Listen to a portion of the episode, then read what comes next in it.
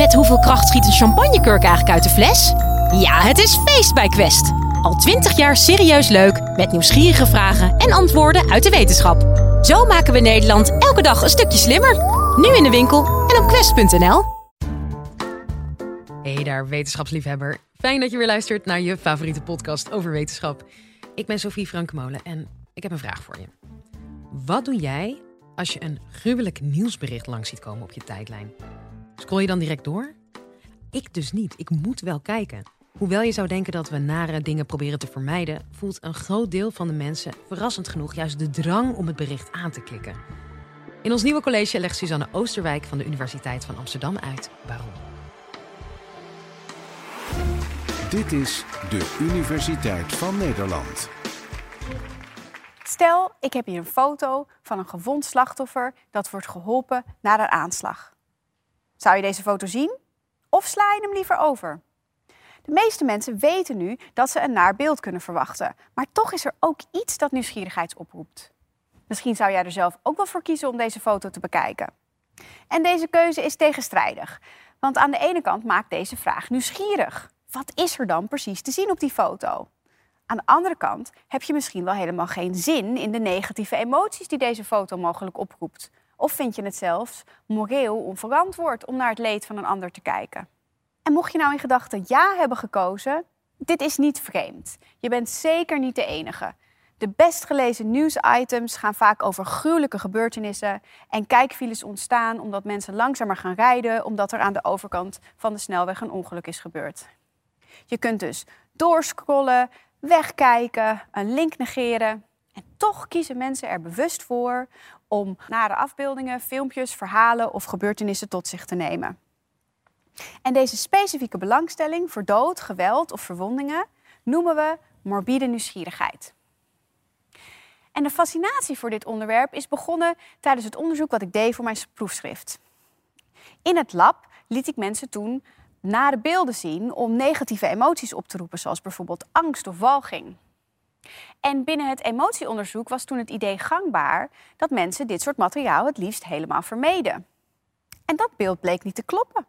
Want in het dagelijks leven zochten mensen dezelfde soort beelden op. En daarom ben ik in dit fenomeen gedoken, om uit te zoeken hoe zit dit nou precies in elkaar. En in dit college vertel ik je hier graag meer over. Waar komt die fascinatie met gruwelijke dingen nou vandaan? Waarom kiezen mensen ervoor om negatieve informatie over de wereld te verzamelen? Heeft dit misschien nut? Ik begon net met een voorstel of je een bepaalde afbeelding wel of niet wilde zien. En dat is een goede manier om te onderzoeken in welke mate mensen nieuwsgierig zijn. Laten we er nog eens een paar proberen. Ik geef een beschrijving en jij bedenkt of je die foto die daarbij hoort wel of niet wilt zien. Stel, ik bied je de mogelijkheid om een foto te zien van slachtoffers van een aardbeving die een vliegtuig in worden gedragen. Zou je kijken of niet? Stel, ik bied je de mogelijkheid om een foto te zien van een gewond been van een server dat wordt afgebonden. Zou je hiervoor kiezen? Of sla je dit beeld liever over? En een foto van een leeuw die op het punt staat om aan te vallen. Zou je hier ja tegen zeggen? Of nee? En een foto van demonstranten die door de mobiele eenheid worden belaagd. Zou je hiervoor kiezen? Of sla je dit beeld liever over? Afhankelijk van hoe vaak je nu ja hebt gezegd, kun je de mate van je eigen morbide nieuwsgierigheid bepalen. En precies op deze manier onderzoek ik morbide nieuwsgierigheid in het lab. Stel, mensen kunnen tien keer een keuze maken. Hoe vaak denk jij dan dat ze voor de negatieve optie gaan? Als mensen nou negatieve dingen het liefst vermijden, dan zou je misschien zeggen 0%. Mensen zeggen gewoon consequent nee. Maar misschien heb je zelf net wel gemerkt dat je een paar keer ja dacht. En in het lab vinden we dat inderdaad ook. Afhankelijk van waar mensen deze keuzes maken en waaruit ze precies kunnen kiezen, varieert dit percentage van 40% tot 80%. Dat betekent dat in sommige situaties mensen in 80% van de gevallen zeggen: Oké, laat maar zien. En mensen zeggen het vaakst ja tegen beelden van negatieve sociale situaties. Dat zijn bijvoorbeeld beelden van, van gevechten tussen mensen of van oorlogsscènes of van mensen die helpen bij ongelukken. En dit soort beelden worden bijvoorbeeld veel vaker gekozen dan beelden van aanvallende dieren, zoals de leeuw die we net zagen, of hele bloederige beelden, zoals bijvoorbeeld dat been van die surfer. Mensen zijn dus vooral nieuwsgierig naar het leed van anderen. En uit onderzoek weten we dat mensen graag naar andere mensen kijken. En nu weten we dat dat ook geldt voor het kijken naar mensen die iets naars meemaken. Mijn onderzoek laat dus zien dat mensen bewust hele heftige, huiveringwekkende beelden bekijken. Wat gebeurt er dan eigenlijk precies in de hersenen? In mijn onderzoek richt ik me daarin op het beloningssysteem van het brein. En de gebieden in het beloningssysteem worden bijvoorbeeld actief wanneer mensen opdrachten uitvoeren waarin ze geld kunnen verdienen. Maar ook wanneer mensen nieuwsgierig zijn naar trivia-vragen. zoals bijvoorbeeld de vragen die je beantwoordt in een pubquiz in de kroeg. Mensen kregen bijvoorbeeld de vraag te zien: welk muziekinstrument is ontwikkeld om te klinken als de menselijke stem? Ben je nieuwsgierig? Dan zou jouw beloningssysteem in het brein wel eens actief kunnen zijn. En de rol die dit systeem speelt in nieuwsgierigheid wordt verklaard vanuit het idee dat het waardevol is om informatie tot je te nemen. Geld is waardevol omdat je er dingen mee kunt kopen. Maar informatie is waardevol in zichzelf. En voor degenen die heel nieuwsgierig zijn naar het antwoord, het is een viool. Zien we nou ook activiteit in dit beloningssysteem wanneer mensen ervoor kiezen om hele negatieve informatie tot zich te nemen? En het antwoord is ja.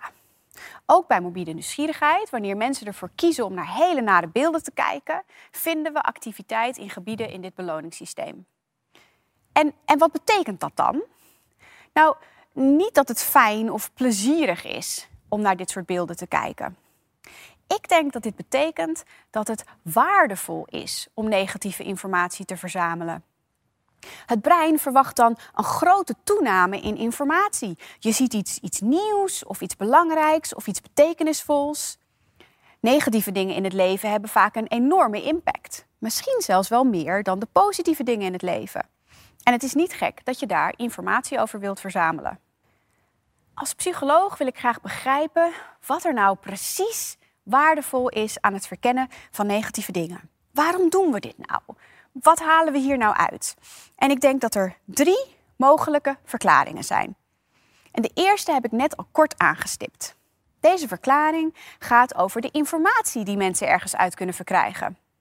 Mensen willen graag weten wat ze nog niet weten, want zo verminderen ze onzekerheid. Laten we dit principe eens toepassen op morbide nieuwsgierigheid. Stel, ik vraag jou of je een beeld wil zien van een soldaat die een burger tegen zijn hoofd trapt. Wat denk je dan? Hoe ziet dit er eigenlijk uit? Ben ik me dit nou veel erger aan het voorstellen dan dat het is? Wat is dat dan voor soldaat en waar, waar gebeurt dit dan? En door te kijken verzamel je informatie. En deze informatie lost je onzekerheid op. Je steekt als het ware een informatiekloof over. Een kloof tussen wat je wel weet en wat je weet dat je niet weet. Maar nieuwsgierigheid gaat niet alleen om het oplossen van onzekerheid. Nieuwsgierigheid kan ook draaien om het begrijpen van hele nieuwe of uitdagende informatie. En bij morbide nieuwsgierigheid is dat niet anders. Echt heftige beelden of verhalen zijn vaak moeilijk te bevatten. Ze gaan vaak over zeldzame gebeurtenissen. En op het moment dat je die situaties niet kent, is het een menselijke drive om daar informatie over te verzamelen. En dat kan nuttig zijn. Door jezelf bloot te stellen aan het leed van anderen kun je informatie verkrijgen over gevaarlijke situaties en de gevolgen daarvan, maar dat allemaal in een hele veilige omgeving, zonder dat je die gevolgen aan den lijve hoeft te ondervinden. Je kunt bijvoorbeeld een video kijken van iemand die op straat wordt aangevallen of een verhaal lezen over iemand die heel ernstig gewond is geraakt. En hierdoor kun je die situaties mogelijk beter begrijpen. Wat gebeurde er dan precies? Wat deed iemand? En hoe reageerden de andere mensen die erbij waren?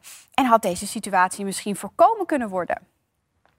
Je leert deze situaties dus een klein beetje kennen zonder dat je ze zelf hoeft mee te maken. Morbide nieuwsgierigheid kan dus een strategie zijn om informatie te verzamelen over gevaarlijke situaties en jezelf op die manier op iets ergs voor te bereiden. Een tweede mogelijke verklaring is, naast het verkrijgen van informatie, dat negatieve beelden ook bepaalde sensaties of emoties kunnen opwekken. En er zijn mensen die in hun leven heel graag sensaties opzoeken. Ze kiezen altijd het gekste menu op de menukaart of ze springen met een parachute uit een vliegtuig. En dat zien we ook terug bij morbide nieuwsgierigheid. Mensen die vanuit hun persoonlijkheid op zoek zijn naar sensaties of naar nieuwe ervaringen, kiezen ook vaker voor de negatieve optie. Maar het gaat denk ik niet alleen om de thrill. Het kan soms nuttig zijn om emoties zoals boosheid of angst of verdriet te ervaren in een veilige situatie. Zo leer je omgaan met je emoties. Je kunt bijvoorbeeld een spookhuis bezoeken en je daarin blootstellen aan allerhande schrikeffecten. En op die manier leer je je eigen reacties mogelijk beter kennen. Een derde mogelijke verklaring haakt in op de sociale binding die voortkomt uit dit gedrag. Je kunt je blootstellen aan de nare ervaring van een ander via een verhaal of een film of een foto en je zo inleven in de gevoelens van die persoon. Met een mogelijke positieve uitkomst van empathie. Ook zou het kunnen dat mensen een soort morele verantwoordelijkheid voelen voor het bekijken van het leed van een ander. Zo kunnen ze zich verdiepen in de gevoelens van andere mensen of begrijpen wat mensen ergens anders ter wereld meemaken. Informatie verzamelen, gevoelens opwekken en sociale binding. Het zou dus nut kunnen hebben om jezelf bloot te stellen aan negatieve informatie. Maar het is natuurlijk niet zonder risico's. De beslissing om jezelf bloot te stellen aan iets naars kan je zien als een soort weegschaal. Aan de ene kant heb je de kosten. Je kunt er spijt van krijgen dat je een heel schokkend filmpje hebt bekeken. En aan de andere kant heb je de baten. Wel kijken zou je mogelijk nieuwe informatie kunnen geven. De vraag is dan, wat weegt zwaarder? Stel, je ziet een aankondiging voor een documentaire. En daarin staat dat de documentaire beelden bevat die als schokkend kunnen worden ervaren. Als je nou verwacht dat je die, die beelden vervolgens niet meer van je netvlies afkrijgt en dat je die de rest van de week met je meedraagt, dan zijn de kosten te hoog en kijk je niet. Maar als je graag meer wil weten over het onderwerp van die documentaire en die schokkende beelden voor lief neemt, of misschien zelfs denkt dat die schokkende beelden onderdeel zijn van datgene wat je graag te weten wilt komen, kijk je wel. Misschien ben je zelfs wel nieuwsgierig naar wat er dan precies zo schokkend is aan die beelden. Mensen maken in een beslissing om voor negatieve dingen te kiezen dus altijd een soort afweging. Wat levert het me op en wat kost het me? En die afweging kan natuurlijk zowel bewust of onbewust worden gemaakt. En ook zijn mensen heel verschillend in hoe ze deze kosten en baten inschatten. Voor sommige mensen heeft het totaal geen toegevoegde waarde om naar negatieve dingen te kijken en voor andere mensen wel. En het is ook belangrijk om te noemen dat morbide nieuwsgierigheid kan doorslaan en zo grote maatschappelijke gevolgen kan hebben.